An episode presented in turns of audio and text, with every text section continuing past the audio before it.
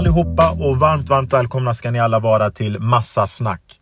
En helt ny podcast skapad av mig själv, eran host Brian Massa. Många av er kanske har tankar eller funderingar kring hur jag kom på det här poddnamnet. Och jag kan ju säga det direkt att jag blev inspirerad av en artikel som Expressen hade skrivit om mig 2007. Shit, var det verkligen 2007? Tiden går så jävla fort. Det är helt sjukt. Och det är någonting som ni kommer höra mig prata om flera gånger i mina kommande avsnitt. Om att tiden bara flyger och passerar förbi. Hur som helst, tillbaka till den här artikeln jag snackade om tidigare. Expressen hade skrivit om mig för jag hade skjutit mitt lag Vasalund vidare i santeringskuppen.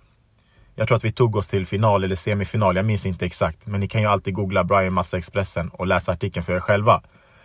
Men det var en skön journalist som skrev att Brian Massa gör massa mål. Istället för många mål, massa mål. Så det var där jag fick inspirationen. Istället för mycket snack, massa snack. Och i min podcast så kommer vi prata om exakt allt mellan himmel och jord. Jag vill liksom inte begränsa mig till något ämne eller så. Och det jag vill att ni ska göra, jag vill att ni tar er in på Instagram, följ massa snack, feedbacka mig gärna där och kommentera vad ni vill att jag ska prata om i mina kommande avsnitt.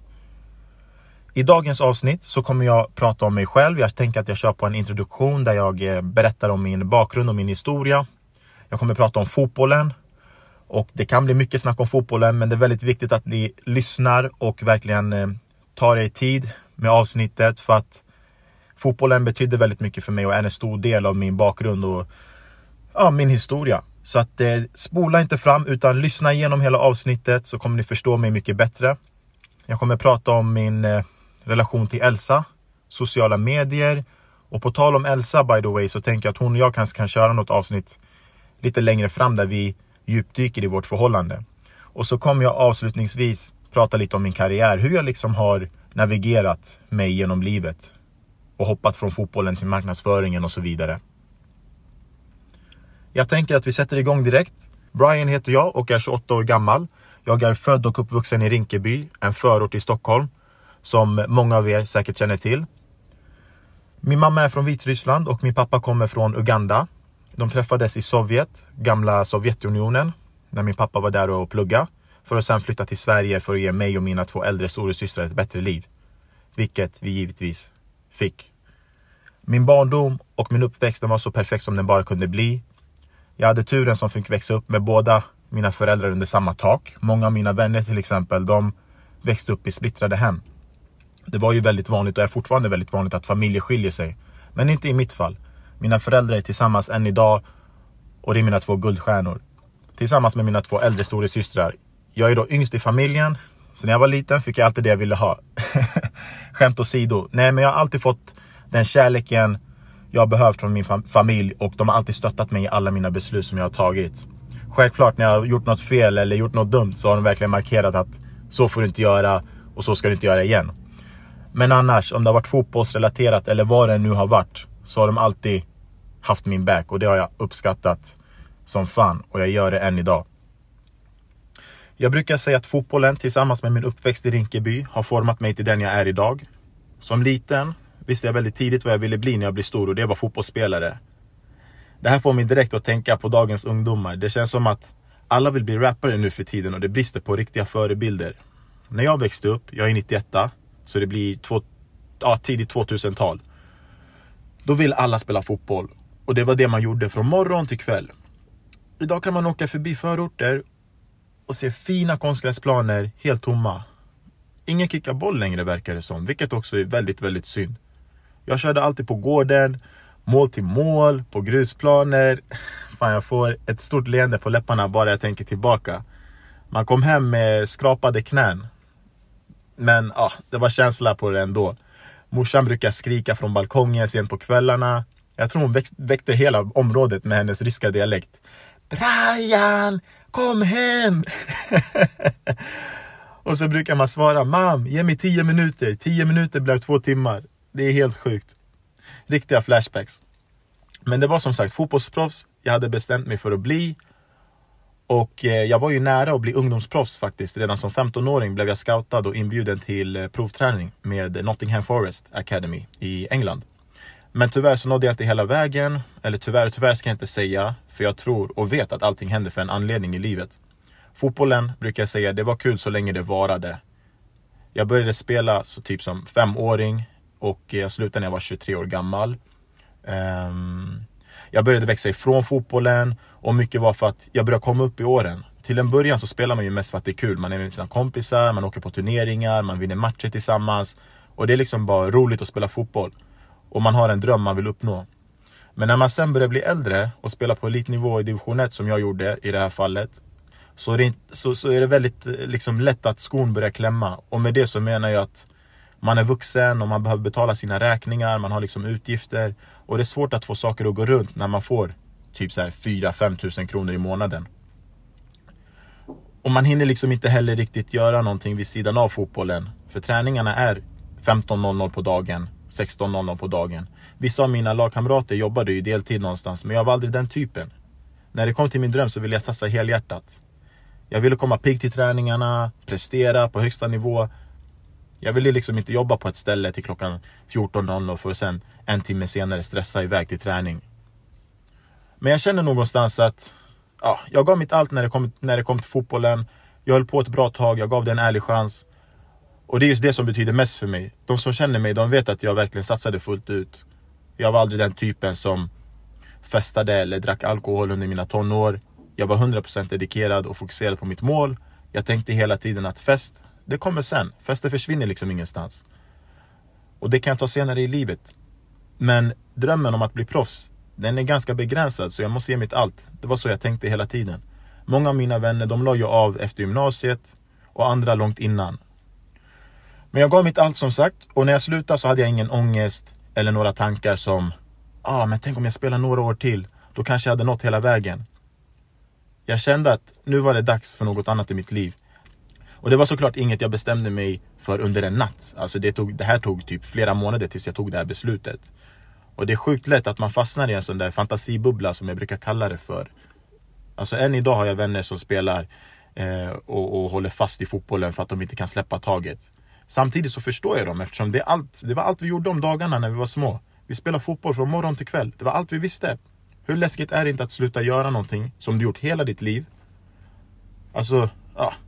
Jag kände bara som sagt att jag började halka efter i livet. Jag hade andra drömmar också som sagt och eh, något jag verkligen ville göra var att skaffa mig en egen lägenhet. Men det gick ju inte för jag hade ingen stabil inkomst.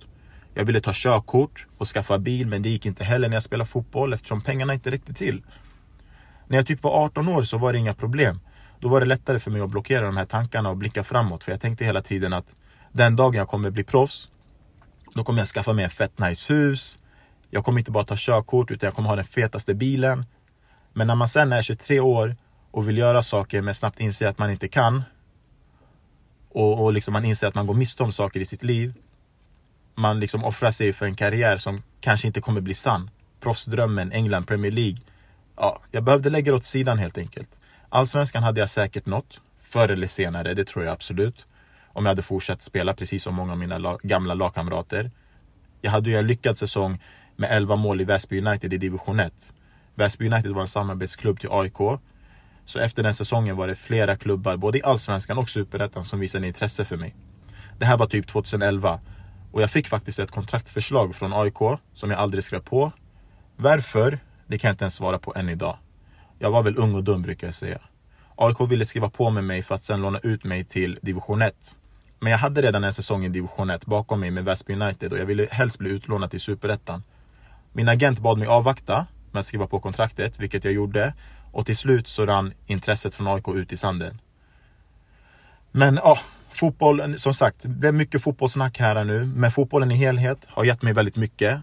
Och min bästa tid hade jag mellan 2010 och 2013. För då var jag faktiskt sponsrad av Nike. Det var helt sjukt. Det var riktigt goda tider. Jag lyckades bli sponsrad av Nike fast jag inte ens var proffs. Det var verkligen en barndomsdröm som gick i uppfyllelse. Från att se min idol Ronaldo, alltså riktiga Ronaldo, brassen, vara en Nike-spelare till att själv bli en. Det var riktigt kul. Obeskrivligt. Jag minns än idag hur jag blev glad varje gång Nike skickade ut kläder till mig. Och de senaste fotbollsskorna. Mamma behövde inte längre lägga ner 1500 kronor på fotbollsskor. För jag fick dem gratis. Och mina grabbar frågade mig alltid om jag kunde fixa nya Air Max till dem. ja, det var verkligen goda tider. Alltså, när jag tänker tillbaka, jag får ett stort, stort leende på läpparna. Jag fick åka med Nike på events och besöka städer som Barcelona, Aten, Berlin, London två gånger. Jag fick träffa professionella fotbollsspelare som Kevin Prince Boateng, legenden Marco Materazzi, David Luiz och många fler. Nike gav mig verkligen en unik upplevelse som inte många får vara med om. Jag känner mig verkligen speciell. Och jag tackar dem än idag för att de gav mig den chansen. Jag fick se världen ur ett helt annat perspektiv och med helt nya ögon. Jag var bara en ung grabb, en ung kille från Rinkeby som inte reste så mycket med familjen när jag var ung. Så jag uppskattar verkligen som sagt det Nike gjorde för mig. Framförallt Thomas Falkenström. För er som har följt mig sedan way back så vet ni hur jag blev sponsrad av Nike. Men för er som inte har någon aning så hade Nike en tävling på Facebook där man skulle posta en video på sig själv när man kickar boll. Priset var en veckas provträning i London för chansen att joina Nike Academy, deras egna fotbollslag. Ett fotbollsprogram för unga spelare och eh, en väg till proffslivet liksom. 100 pers från hela världen skulle få åka till London och provspela. Men bara två platser eh, fanns att tävla om för alla i Sverige. Och jag tillsammans med min vän som jag lärde känna, Allan, imponerade och eh, blev utvalda som vinnare. Efter det började min resa med Nike och det var helt sjukt.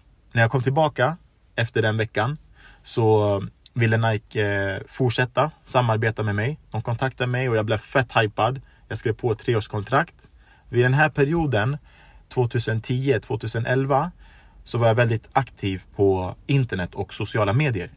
Jag hade startat en blogg melatobi.blogg.se, din tjejs favoritbloggare. eh, och jag minns eh, hur väldigt många brukade garva åt mig. Det var inte många grabbar som bloggade på den tiden.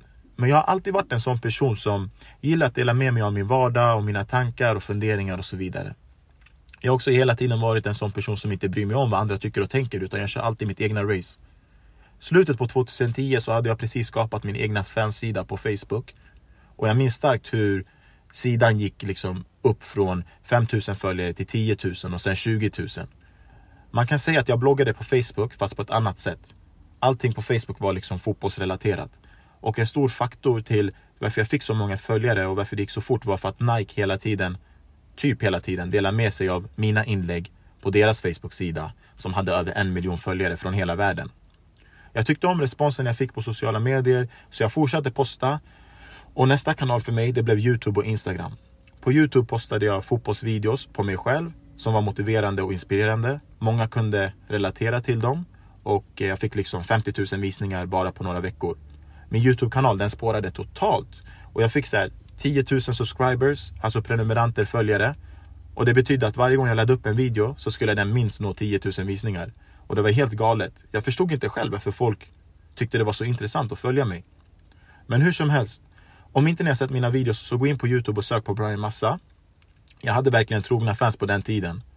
Ta er in och läs kommentarerna så kommer ni få se det för er själva. Ungefär samma tidpunkt som jag skapade mitt Youtube-konto så öppnade jag också mitt Instagram-konto.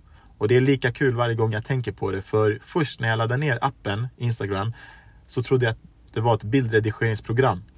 Just för att man kunde sätta olika filter på sina bilder. Det var ju något helt nytt. Så jag kunde posta en bild på mig själv, typ en selfie med ett filter och sen låta den ligga kvar där utan att förstå att nu är den uppe för alla att se. men eh, ja, jag vet inte om jag var den enda som tänkte eller trodde så, men hur som helst. Jag började haja ganska fort sen att okej, okay, Instagram, det är precis som så många andra appar på den tiden. Det handlar liksom bara om att skaffa sig följare. Och jag hade ett öga för sånt och har alltid haft det. Jag skapade mitt Twitterkonto ungefär samtidigt som Instagram, om inte något år före till och med. Eh, men jag har mest varit aktiv på Instagram och använt mitt konto som en, som en bilddagbok. Det är ganska kul faktiskt. Eh, jag har aldrig varit den som, som tar Instagram jätteseriöst. Och när jag inte har någonting för mig så brukar jag faktiskt scrolla igenom min Instagram för att se, se över mina olika kapitel i livet. Jag har ju postat och delat med mig om allting där. Och det fina med det hela tycker jag ändå, det är att jag kan titta tillbaka, skratta och bara ah shit, det där var mina festtider. Det där var när jag spelade fotboll. Där kom kärleken i bilden, där träffade jag Elsa. 2017, okej, okay, det var då vi började resa. Och förra året, 2019, ja då blev jag pappa. Så att eh, nej, jag är ganska glad över att jag inte har raderat gamla bilder på Instagram och så vidare. Sen kom den lite mer eh, seriösa perioden med Instagram när jag började fota och eh, posta professionella bilder. Jag fotade med, så här, med systemkamera och jag bestämde mig för att bli influencer. Och jag lyckades rätt så bra. Jag blev bland annat sponsrad av eh, JD Sports eh, och det var sjukt nice. Det var också som en liten barndomsdröm som gick i uppfyllelse. Eh, jag kan berätta lite snabbt varför. När jag var i London för första gången 2003 eh, jag glömmer aldrig bort att jag tog mig in då på en sån här JD Sports butik och eh, det var som att kliva in i paradiset. De hade alla fotbollsskor jag kunde drömma om. Inte visste jag att 15 år senare när JD Sports öppnar butiker i Sverige att jag skulle bli sponsrad och vara deras ansikte utåt på sociala medier. Men hur som helst, jag hade som sagt också ett liv utanför bloggar och sociala medier såklart. Fastän man inte tror det. eh, när jag slutade spela fotboll så hade jag ett jättestort frågetecken ovanför mitt huvud. Jag visste inte vad jag ville göra. Jag visste inte vad jag skulle göra. Jag ska inte ljuga för er, jag hade ingen aning. Några som jag kände sedan tidigare hade börjat hänga i centrum, men jag var inte orolig för det. Eh, jag visste att, jag visste att det inte skulle vara mitt fall. Eh, jag visste väldigt tidigt som sagt vad jag ville göra med mitt liv och jag var inte den typen riktigt. Mina föräldrar och mina storasystrar de var också jättehårda när jag växte upp med den biten. Det var vissa klasskamrater jag inte ens fick hänga med för att de var up to no good. Men på tal om det här frågetecknet ovanför mitt huvud. Jag snackade tidigare om att jag behövde ta tag i mitt liv efter fotbollen. Och det behövde jag verkligen göra. Min stolthet, den lät mig inte vara den där sonen som slaggar hos föräldrarna och spelar tv-spel hela dagarna. Så jag sökte jobb på Elgiganten och började jobba som säljare. Eh, det var en perfekt utväg för mig. Istället för att hamna i depression och tycka synd om mig själv så passade jag på att jobba. Samtidigt som jag under tiden funderade på vad jag ville göra med mitt liv. Så det var ganska nice. Jag fick jobba där. Jag sålde tv-apparater, datorer, mobiltelefoner och så vidare. Och jag har alltid varit teknikintresserad. Så det var liksom, det var inga konstigheter när det kom till min kunskap. Och det var kul. Jag kom ut i arbetslivet, fick träffa nya människor, skaffa mig kollegor och eh, framförallt så skaffade jag mig en stabil inkomst så jag kunde hjälpa till hemma och spendera pengar på saker jag tyckte om. Det första jag gjorde när jag började jobba var att lägga undan pengar till körkortet. Eftersom ingen i min familj har körkort så behövde jag gå på trafikskola och det var inte gratis direkt. Jag passade på att göra saker som jag inte kunde göra tidigare när jag spelade fotboll för att pengarna inte räckte till. Jag köpte min första bil, jag började tatuera mig, jag gick loss på tatueringarna. och eh, jag började festa, jag kastade pengar höger och vänster som en kung. Helt sjukt. Under den här tiden, under den här perioden så träffade jag också en väldigt speciell person i mitt liv. Um, och um, det, var här, det här var liksom efter jag tappade kärleken för fotbollen. Uh, men det tog inte lång tid förrän jag hittade kärleken igen i Elsa. Idag är vi förlovade och vi har en son på nio månader. Vår lilla Melvin. Jag får en lyckorus bara jag tänker på honom. Helt sjukt, bästa som har hänt mig. Absolut det bästa som har hänt mig. Och eh, ja, eh, när det kommer till mig och Elsa så såg vi varandra för första gången på en Drake-konsert 2013. Efter det började vi snacka lite på Facebook och så träffades vi lite fram och tillbaka ett bra tag tills vi båda förstod och insåg att vi var menade för varandra. Vi trivdes verkligen i varandras sällskap och det klickade mellan oss. Så 2016 så blev vi officiellt ett par. För två år sedan så gjorde vi fem resor på ett år. Det var helt sjukt, intensivt men fett roligt. Vi åkte till LA, New York, London, Paris och Kreta. Det var faktiskt då jag lärde känna Elsa som bäst. Eh, jag brukar säga det att om du vill lära känna en person så res med den personen några gånger. Så kommer du få se den personens alla sidor under resans gång. Och det var exakt det som hände med Elsa. Jag insåg vilken genuin, omtänksam människa hon är. Hon har starka egenskaper och så är hon lite söt också. Nej, men hur som helst. Eh, Elsa, hon var verkligen den personen som förändrade mitt liv. Hon gjorde mig till en bättre person och fick ut det bästa av mig. Hon var ju till och med den som fick mig att börja plugga 2017. Själv hade hon hoppat av Örebros universitet för att byta inriktning. Samtidigt som hon sökte nytt så försökte hon också få mig att söka efter en utbildning. Och jag minns att jag skrattade åt henne jag bara, skämtar du? Ska jag börja plugga? Jag är helt klar med skolan. Jag har gått ut gymnasiet och jag har tagit studenten. Jag är helt klar. jag hade inga planer alls på att plugga vidare. Men hon gav inte upp. Hon var på mig och jag tänkte visst, jag kan ju kolla vad det finns för utbildningar. Och vi satt där tillsammans, vi kollade på olika skolor och så fick jag upp ögonen för digital marknadsföring. Utbildningen var på två år och jag tänkte shit, jag har typ hållit på med digital marknadsföring på sociala medier omedvetet eller så här, indirekt. Och jag tyckte det var sjukt intressant så jag ansökte och kom in och the rest is history. Två år senare, i juni 2019, så står jag där med mitt examensbevis. Det var det bästa, alltså det var bästa känslan. Eller nej, vänta nu, vänta. Bästa känslan som sagt, det var Melvin. Men hur som helst, jag var väldigt stolt över mig själv. Jag hade som sagt aldrig några planer på att plugga vidare. Och där stod jag, utbildad digital marknadsförare med ett examensbevis och ett kvitto som ingen någonsin kommer kunna ta ifrån mig. Jag ska inte ljuga, det var inte enkelt. Det var blod, svett och tårar. Många av mina gamla klasskamrater hoppade ju av. Vissa efter första terminen och vissa efter andra terminen. Det värsta var grupparbeten. Jag är en sån person som gillar att göra saker på egen hand. Jag kan liksom skriva en uppsats på 40 sidor utan problem. Men så fort det är ett grupparbete så finns det alltid någon som inte är lika motiverad som en själv. Och det är just det jag kan störa mig på fett mycket. Därför gillar jag att göra saker solo. Det är som podden till exempel. Istället för att göra det tillsammans med någon annan så gör jag det hellre själv. Mitt företag Digify Marketing, samma där. Jag kör solo. Och jag tror att jag har fått den här ensamvarg mentaliteten från min mamma. Hon har alltid varit sån. Och eh, hon har alltid varit en driven person. Hur som helst, pluggen hade jag nog aldrig fått upp ögonen för om inte det vore för the love of my life, Elsa. Och som sagt, jag tänker att hon och jag kan köra ett avsnitt tillsammans där vi berättar mer om vår relation. Kommentera gärna på Instagram vad ni tycker om den idén. När det gäller skolan så lyckades jag helt klart ta examen för att jag valde att studera någonting jag brinner för. Vilket är marknadsföring och framförallt digital marknadsföring. Hur många känner inte du som pluggar för deras föräldrars skull? De situationerna är alltid lika sorgliga, tycker jag i alla fall. Vissa blir pressade till att plugga från deras familj och i många fall så är det också utbildningar som de själva inte ens är intresserade av. Som tur har mina föräldrar alltid låtit mig ta den tid jag behöver med saker och ting. Och som jag nämnde tidigare i avsnittet så har de alltid stöttat mig oavsett vad. Avslutningsvis så kan jag berätta om att jag idag jobbar som account manager. Jag driver mitt egna företag Digify Marketing där jag bland annat hjälper små och stora företag bygga hemsidor, marknadsföra sig digitalt, framförallt på sociala medier. Jag har alltid velat starta ett företag, alltid. Men jag har inte vetat vad till 100 procent. Um, så att det känns nice nu att man har hittat sin grej. Uh, jag har typ två planer till i mina tankar. Men eh, man kan inte ha alldeles för, för många bollar i luften. Sist men inte minst så har jag startat den här podden också, Massa Snack, som ska bli en spännande resa. Jag hoppas att ni kommer vara med mig hela vägen från början till slut och jag hoppas också att ni tyckte om det här första avsnittet. Jag har sett fram emot att göra det här och nu när vi officiellt är igång så kan jag checka av starta en podcast i min to-do-list. Vad har du skrivit på din to-do-list? Hur mycket har du hunnit checka av? Jag lämnar er med ett budskap och det är Våga testa dig på nya saker. Var aldrig rädd för en förändring. Hela mitt liv var fotbollen allt jag visste och allt jag levde för tills jag vågade ta mig utanför min comfort zone. Sedan dess har ingenting varit sig likt.